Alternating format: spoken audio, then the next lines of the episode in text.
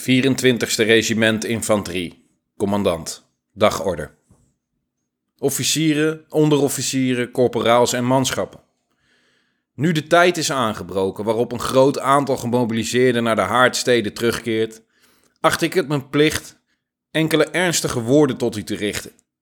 Teruggrijpend naar het verleden, naar de eerste dagen der mobilisatie, zeg ik u trots te zijn geweest, het commando over het reserve-jagerregiment te hebben gekregen.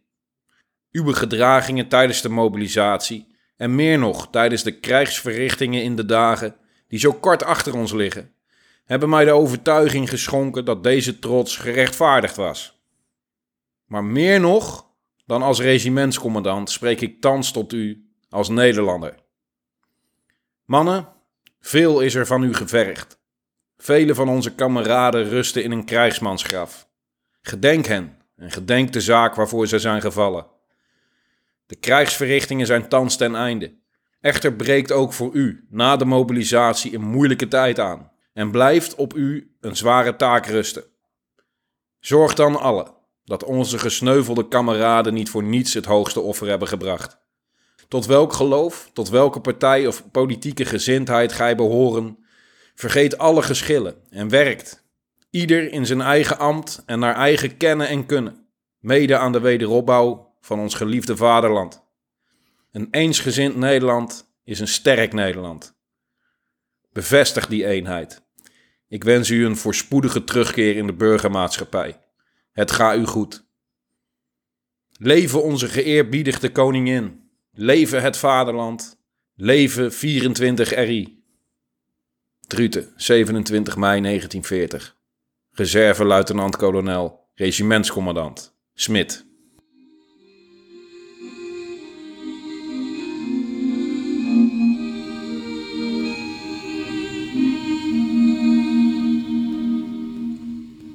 Nederland was verslagen.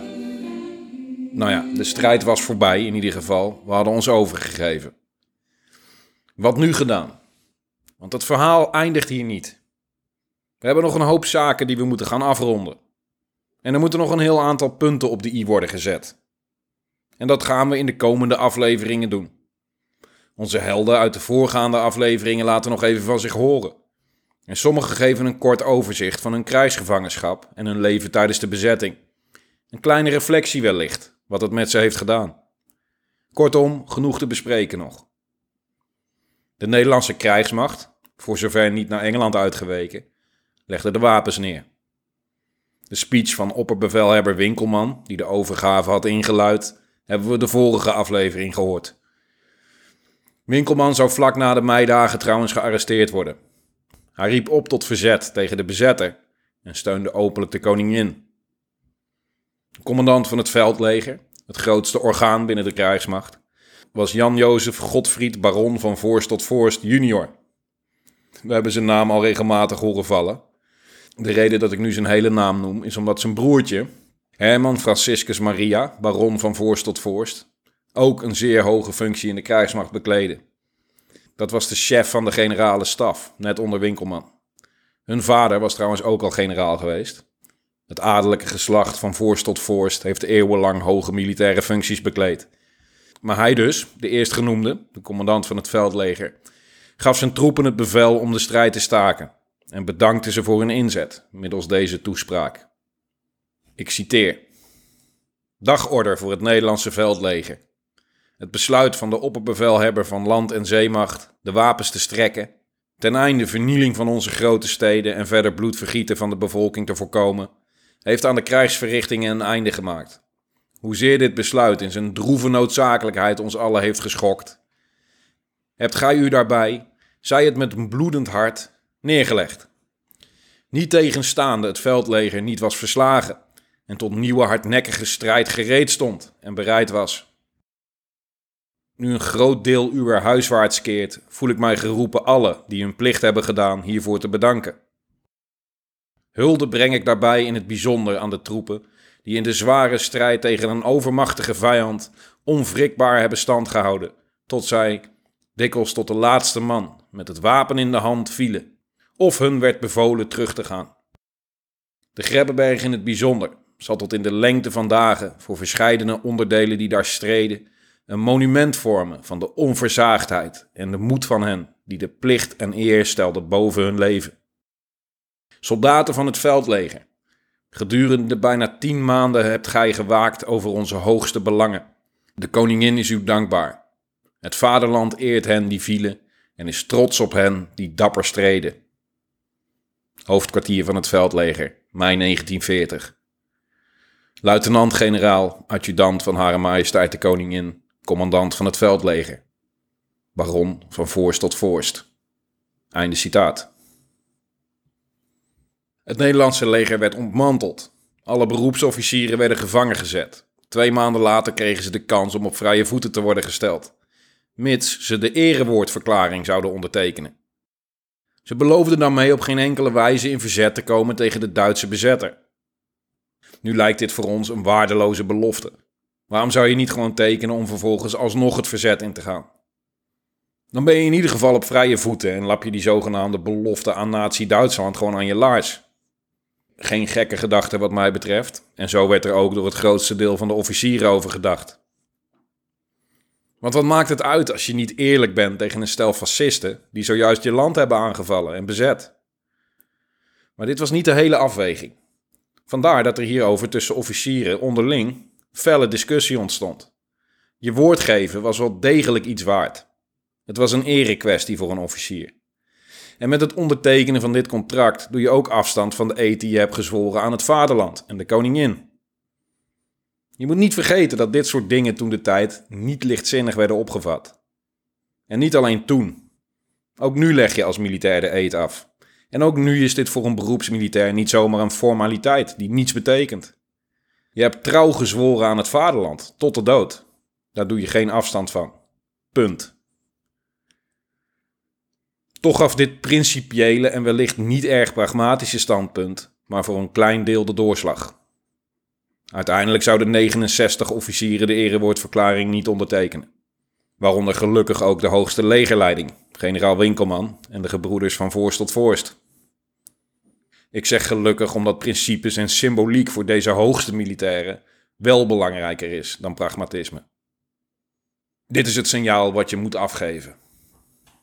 De rest van de krijgsmacht moest nu worden ontwapend. Veel eenheden zagen kans om in elk geval niet al hun wapens in te leveren, een gedeelte achter te houden, te verstoppen of onklaar te maken. En die wapens zouden later nog van pas gaan komen in het verzet. De rest werd door de Duitsers in gebruik genomen. Wat ze niet nodig hadden, werd door hun onklaar gemaakt en in grote kuilen gegooid en begraven. De Nederlandse soldaten werden gevangen genomen en naar Duitsland vervoerd, of ter plekke in Nederland vastgehouden. Waaronder Pontonier van de Plas. Die kennen we natuurlijk nog wel. Als je aflevering 8 de slag om Dordrecht hebt geluisterd, in ieder geval wel. Hij was een van die zeven pontoniers die daar in het havengebied van Moerdijk zo langdurig en dapper hadden stand gehouden. Hij beschrijft zijn tijd als krijgsgevangene. Ik citeer. Na de overgave van Dordrecht verhuizen de Duitsers de Hollandse krijgsgevangenen naar een kerk in Dordrecht. De eerste dagen wisselen we onze oorlogservaringen uit en praten over het mogelijke verloop van de oorlog. Na verloop van tijd is de gesprekstof op en zitten we verveeld in de kerkbanken voor ons uit te staren of slenteren we doelloos rond in de kerk. Zo nu en dan wordt er door de nonnen water en voedsel uitgedeeld. Als dit weer eens plaatsvindt, worden enkele van ons onopvallend gewaarschuwd door een van de nonnen. Ze fluistert ons voorzichtig toe: De Duitsers hebben het water vergiftigd. Drink het niet. Inderdaad beginnen enkele uren later veel krijgsgevangenen buikkrampen te krijgen, gevolgd door hevige diarree. Ze laten alles gewoon lopen op de plek waar ze zich op dat moment bevinden. De stank is niet te harde. Wat een klerenstreek van die moffen. Op deze manier proberen ze ons eronder te houden, zodat we niet opstandig zijn of willen ontsnappen. Ik heb gelukkig vrijwel niets van het water gedronken. Zodoende heb ik afgezien van de stank nergens last van. Lichamelijk gaat het eigenlijk wel goed met me. Mijn wond geneest goed. Alleen geestelijk moet ik nog wel het een en ander verwerken. Dagelijks denk ik nog aan het gevecht waar ik aan deelnam. Daar is hier voldoende tijd voor. De gebeurtenissen spelen zich als een film in mijn hoofd af. Telkens zie ik weer die blik in de ogen van die jonge Duitse soldaat, vlak voordat ik hem neerschoot. Alsof ik in een spiegel keek. Beide hebben we ongeveer dezelfde leeftijd. Hij zal alleen nooit ouder worden dan dat hij al was. Enkele weken word ik nu in de kerk in Dordrecht vastgehouden, samen met honderden andere krijgsgevangenen. We hebben allemaal honger en dorst. Zelfs de verschrikkelijke stank is ons gewoon geworden. Maar er zijn geruchten dat we aan het eind van de week worden vrijgelaten. Eenmaal vrijgekomen keer ik terug naar Katwijk aan Zee. Einde citaat. Tijdens de bezetting werd hij nog een keer opgepakt, ditmaal in een razzia. Maar hij wist te ontsnappen uit kamp Amersfoort en gaat terug naar Wassenaar. Ik citeer. Zo keer ik na enkele weken te zijn weg geweest huiswaarts naar mijn ongeruste vrouw en kind. Samen slaan we ons door de laatste koude en hongerige maanden van de oorlog heen. Na de oorlog blijven we in Wassenaar wonen. We krijgen nog drie kinderen en ik werk in Katwijk. Midden in de nacht wil ik nog wel eens wakker schikken uit mijn oorlogsdromen. Angstig, zwetend denk ik dan dat ik weer daar ben, in Moerdijk, op die dag in mei. Einde citaat.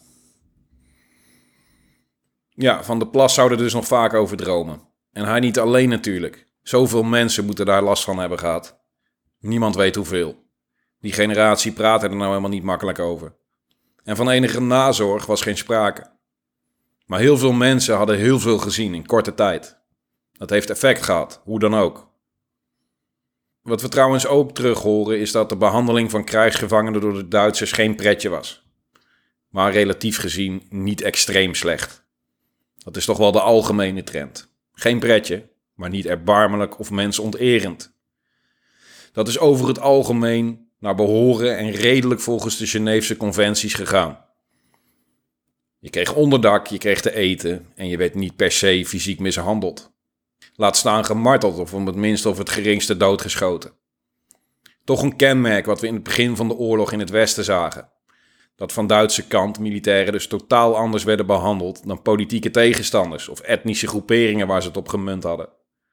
Dat krijgsgevangene militairen onder de Duitsers ook in de rest van de oorlog zouden meemaken tijdens hun gevangenschap was dan ook op geen enkele manier te vergelijken met wat er in concentratiekampen en vernietigingskampen gebeurde. In het Westen in ieder geval. Bij operatie Barbarossa, de aanval op de Sovjet-Unie, werd dat anders. Gewone Hollandse soldaten mochten vaak enkele dagen of weken later naar huis. De gevreesde bezetting was nu begonnen. De verdedigers van de afsluitdijk hadden het niet kunnen geloven. De kazematten hadden onderling goede communicatie gehad maar het verloop van de strijd in de rest van het land was ontgaan. Daar hadden ze om propagandaredenen alleen de positieve berichten van opgevangen. Ze hadden daar dus eigenlijk geïsoleerd gezeten en alle Duitse aanvallen waren afgeslagen. Ze voelden zich sterk. Toen daar plotseling het bericht kwam dat Nederland zich had overgegeven, konden ze het niet geloven. In tranen werden de wapens neergelegd, vol ongeloof en woede, want zij waren de oorlog aan het winnen, dachten ze. Ik zal je vertellen, ik zat net achter die meteor. En toen kwam Belder, de, de, de, centralist. Die kwam bij, hou maar op, maar op. Het is voorbij, het is voorbij. En uh, jankt allemaal. Ja. Was u teleurgesteld? Vreselijk. En geen verliezen geleden. Alles was intact gebleven ondanks alles wat er gedaan is door die Duitsers met schieten en bombarderen. Alles was nog heel intact en wij waren allemaal, wouden nog. En zo heb ik afgelopen. Het was puur half vijf. Toen moesten we allemaal aan de weg komen. En toen moesten we allemaal wapens inleveren en op de hoop gooien. Dat is terug weer heldommer. Was dat een vernedering voor u? Ja.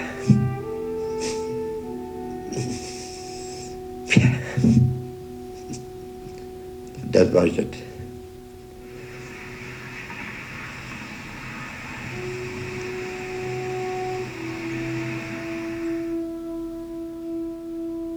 Als je er na 75 jaar nog steeds geëmotioneerd van raakt, zoals Jan van Dokkum in het fragment wat je zojuist hoorde, zegt dat iets over de impact die het had op de mannen daar op de afsluitdijk. De Duitsers kwamen nu ook de dijk op en ontfermden zich over de gedesillusioneerde Nederlanders. Er werden sigaretten en koffie uitgedeeld. Er was hier een zeker respect. Dat was ook de verdienste van generaal Veld. Die kwam met een oud militair geslacht en droeg die waarde uit. Dat betekent dat je waarde hecht aan het vervullen van je militaire plicht. Als iemand dat goed doet, dan heb je daar respect voor. Dus ook voor een vijand die dapper zijn plicht vervult. Een stukje ridderlijke eer dus, voor een sterke tegenstander. Dit straalde af op zijn militairen, vandaar ook de respectvolle omgang na de overgave. In elk geval hier dan, op de afsluitdijk. Hoe dat zat met die mentaliteit, waardoor die doorgaans vrede Duitsers hier ineens een soort vergevingsgezind waren, legt overste Brongers uit in zijn boek, De strijd om de afsluitdijk. Het gaat om de versterkte eerste cavalleriedivisie die het noorden van Nederland en de afsluitdijk aanviel. Ik citeer. Een bijzonderheid was de sterke traditiegebondenheid binnen de Duitse divisie. Vele commandanten stamden uit oude Pruisische officiersgeslachten. Ze waren opgegroeid in een sfeer van strakke militaire principes. Moed en gehoorzaamheid, eer en vaderlandsliefde golden als de hoogste menselijke deugden in het levenspatroon van het naar hun overtuiging ridderlijke en edele militaire beroep. Oorlog zagen zij niet als iets afschuwelijks, maar als een zaak die nou eenmaal bestond, met de menselijke natuur te maken had en geaccepteerd diende te worden. Ze beschouwden de strijd als een nobel avontuur waarbij de genoemde deugden tot hun recht konden komen. Over het waarom, over de rechtvaardigheid van een oorlog, maakte men zich geen zorgen. Als militair, zo vonden ze, behoorde men zich niet met zaken van lagere orde als politiek bezig te houden. En zekere hoffelijkheid tegenover een tegenstander is hiermee te verklaren. Dat waren immers collega's, waarbij men dezelfde eigenschappen veronderstelde en wie tenslotte ook maar door politici de oorlog waren ingestuurd. Einde citaat. Soldaat Rot uit Wormerveer bevestigt dit ook in zijn verhaal over zijn krijgsgevangenschap. Ik citeer: Het bericht dat ons land gecapituleerd had, bracht verwarring bij de een en opluchting bij de ander. Duitsers stelden ons alsmaar gerust met: Voor jullie is het afgelopen. Achteraf stel ik me vaak de vraag: zou dat hier en daar met wat afgunst gemengd zijn? Want hoe hielden die knapen het uit? Want dat was een mentaliteit die mij volkomen vreemd was. Dat er zoveel Duitsers gesneuveld waren, namen ze ons niet kwalijk. Jullie verdedigen je vaderland en wij het onze, was hun redenering. Einde citaat. Daar zie je die Pruisische traditie dus ook weer terug. Daarna wordt hij naar Arnhem gebracht. En daar zien we even de mentaliteit van het Nederlandse volk terugkomen. Hij vervolgt zijn verhaal. Ik citeer. Slapen ging niet al te best, want eenmaal tot rust gekomen begon je je zorgen te maken over je familie. Burgers aan de hekken van de kazernes brachten ons eten, drinken en rokerij. Het huilen stond ons nog steeds nader dan het lachen. Weinig op ons gemak traden we aan om naar Duitsland te worden vervoerd. Langs de weg door Arnhem en buiten tot aan Zevenaar deed het medeleven van onze landgenoten ons goed. Behalve door bemoedigende woorden werd het medeleven getoond door gaven van zeer uiteenlopende aard. Etenswaren, rookgerei, handdoeken, zakdoeken, zeep, etc. Bovendien noteerden vele burgers onze namen en adressen om onze familie op de hoogte te brengen. Dit alles stemde weemoedig, maar gaf ook een groot en oprecht gevoel van dankbaarheid. Veel hebben we meegemaakt en veel ellende geleden. Maar toch, we mogen niet klagen. We leven nog en we zijn nog gezond. Hoeveel Nederlanders zijn gedood? En wat misschien nog erger is, voor een leven lang invalide. Als ik dat voor ogen hou, ben ik dankbaar dat ik het er zo heb afgebracht. Einde citaat. Dat is toch ook wel iets wat even mag worden aangehaald. De trots en dankbaarheid die er dus naar de soldaten was vanuit het volk. En hoe ontzettend belangrijk dat dus is op zo'n moment. Dat je ondanks het feit dat je verslagen bent, je toch even oprecht trots mag voelen. Dat je even merkt dat het er ondanks alles toch toe deed. Dat je je land hebt verdedigd en dat je gewaardeerd wordt. Een niet te onderschatten gebaar toch. Want een steuntje in de rug konden ze wel gebruiken. De klap was groot. Het was een enorme deceptie voor veel militairen. We hoorden het al aan de jongens op de afsluitdijk. In Den Haag was dit niet anders. Die hadden de Duitsers in de wijde omgeving teruggedrongen en geïsoleerd. Die waren vanaf 10 mei aan de winnende hand. En toen was het ineens afgelopen. Vaandrig Kees Oversier. Jawel, wederom een bekende. Ditmaal uit aflevering 6, de slag om de residentie. Hoe ging het met hem verder? Ik citeer. Toen Rotterdam gebombardeerd werd en wij als overwinnaars tot verliezers werden verklaard. We hebben erom gehuild. In de militaire spectator van augustus 41 wordt uitgebreid stilgestaan bij de gevechten rond Ockenburg. Ook rept het blad over de stoutmoedige bestorming van de Belvedere door Kees Oversier. Genoemde Vaandrig heeft zich hier moedig gedragen en veel beleid getoond.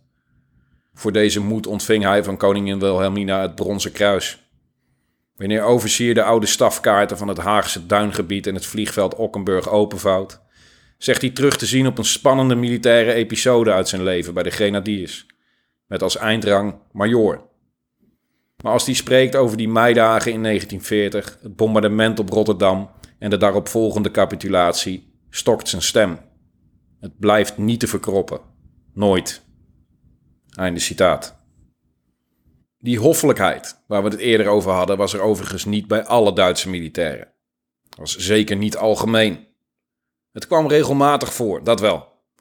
Maar in mindere mate bijvoorbeeld bij de SS. Dat lijkt me duidelijk. Dat waren geen lievertjes.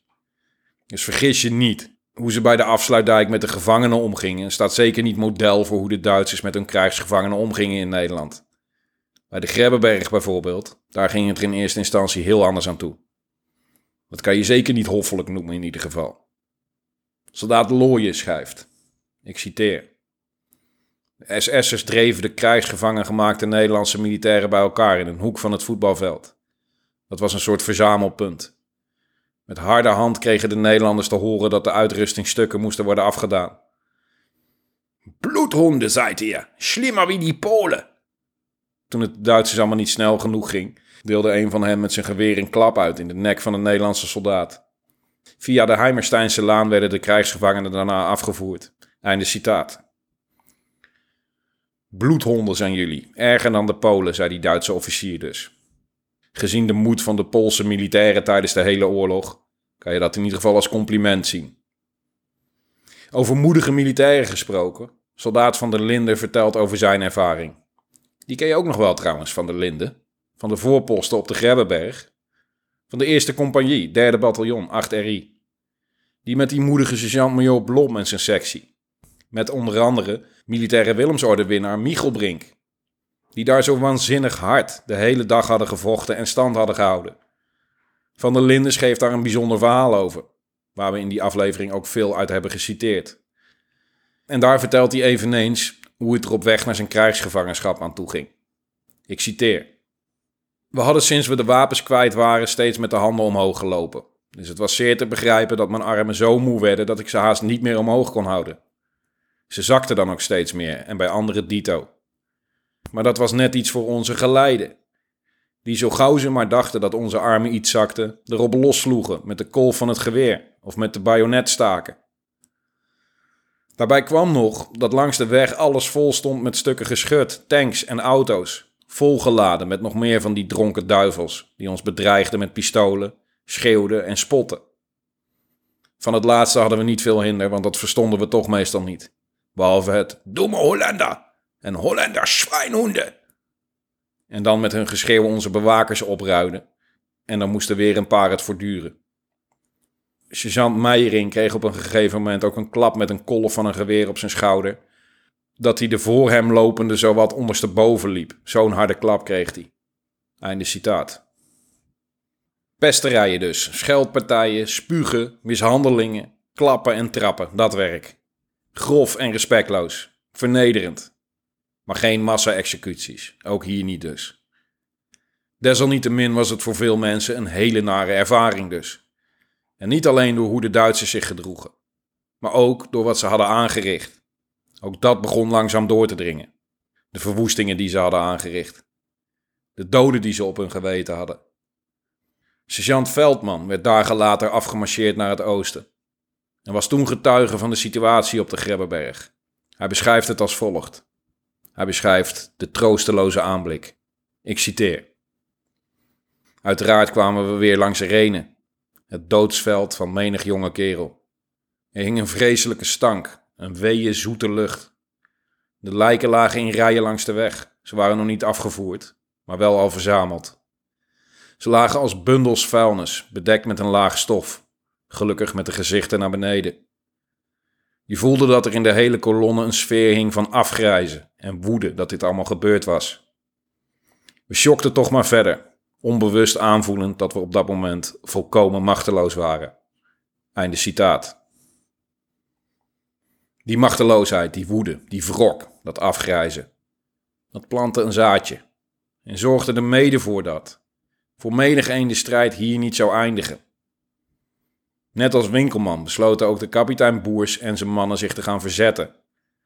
Net als vele anderen die in de meidagen hadden gevochten. Enkele duizenden zouden uitwijken naar Engeland, vaak in kleine, niet zeewaardige bootjes in hachelijke tochten. Of als verstekeling op een vrachtschip.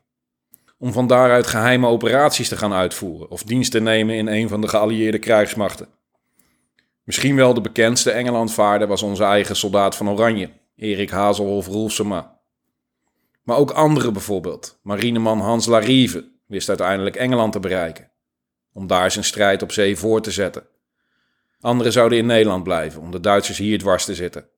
Door hulp aan onderduikers of neergeschoten piloten. Het inwinnen van inlichtingen, het in kaart brengen van de Duitse strijdmacht. Weer anderen door sabotageacties en gewapend verzet. Het liquideren van collaborateurs, het overvallen van bonnenkantoren, voedseltransporten of het plegen van aanslagen op de bezettingsmacht.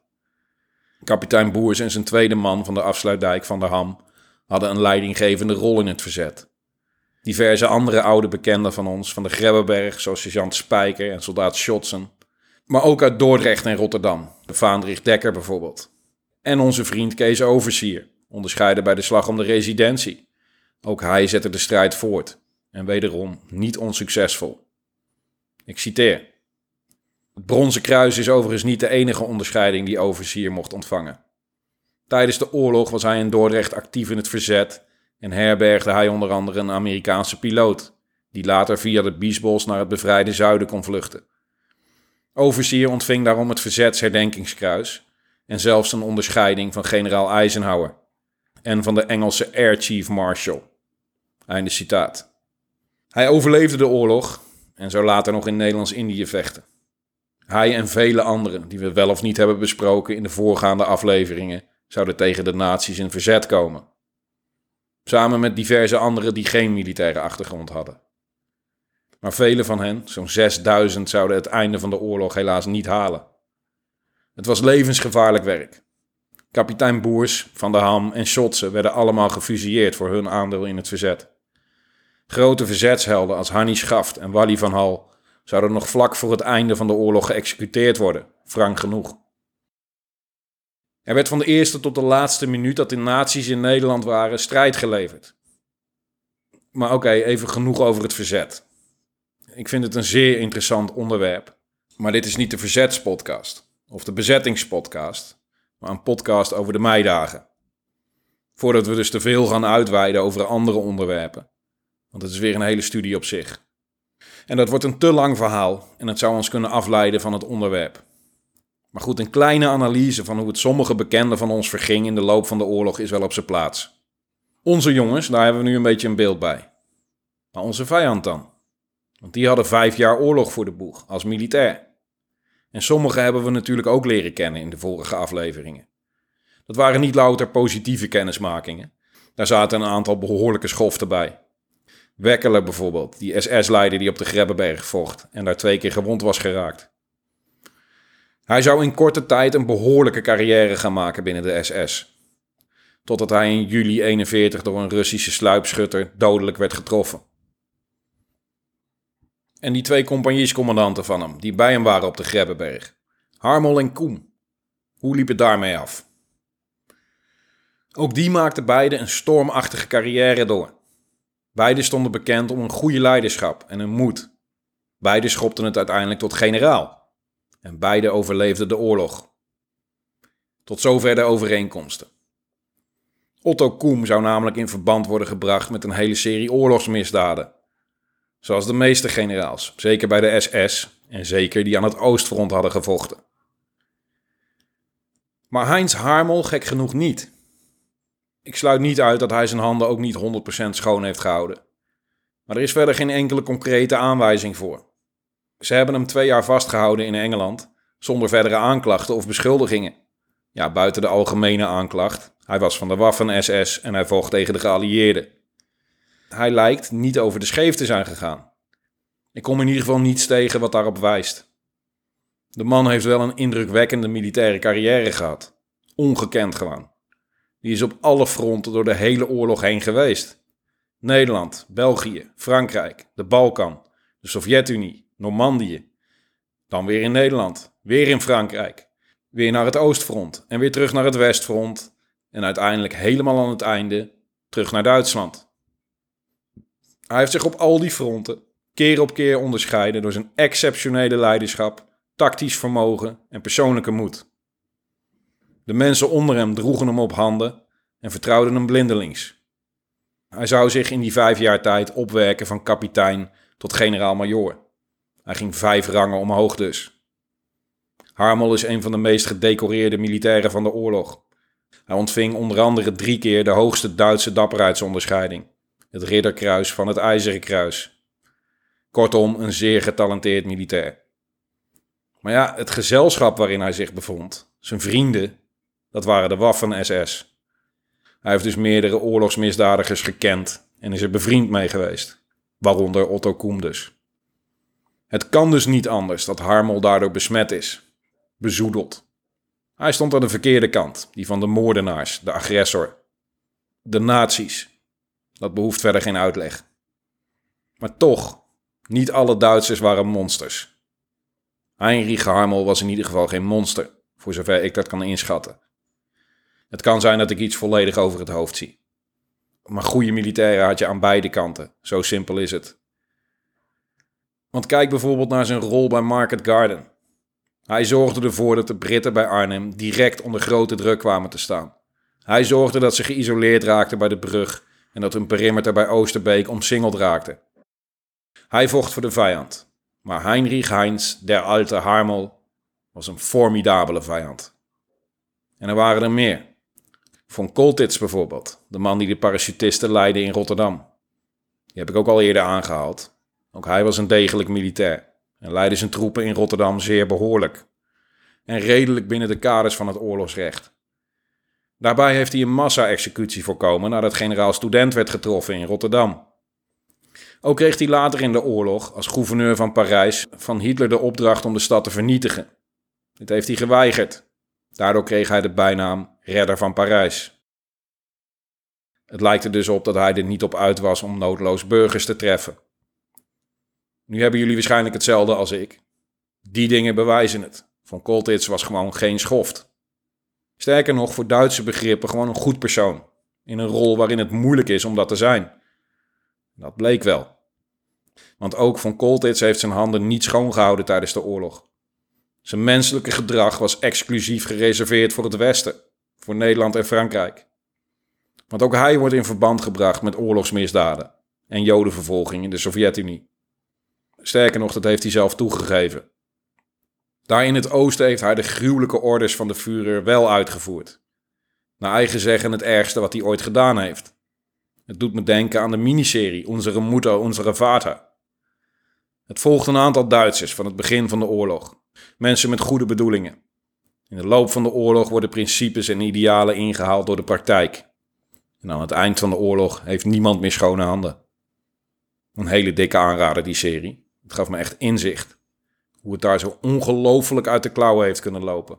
En dat mensen zo collectief, zo structureel hebben meegewerkt aan het nazisysteem. En niet om het goed te praten of er excuses voor te zoeken, maar om het te leren begrijpen. Voor zover mogelijk, want er is een grens aan de duisternis die wij kunnen bevatten. En met wij bedoel ik mensen die hun leven lang vrede hebben gekend. Maar oké, we weten nu een beetje hoe een aantal hoofdrolspelers uit ons verhaal het er vanaf hebben gebracht. De volgende keer gaan we nog het een en ander bespreken. En moeten we nog wat analyseren en evalueren. De balans opmaken van de Nederlandse en Duitse prestaties in mei 1940. En we gaan nog even in op de rest van operatie Valgelb. Met name de slag om Frankrijk. We halen nog wat dingen aan die we mogelijk over het hoofd hebben gezien. En we filosoferen nog wat over allerlei onderwerpen. En ach kom, ik neem er nog één. We trekken wat vergelijkingen en zetten het een en ander in perspectief. Maar dat is voor de volgende afleveringen. Tot dan.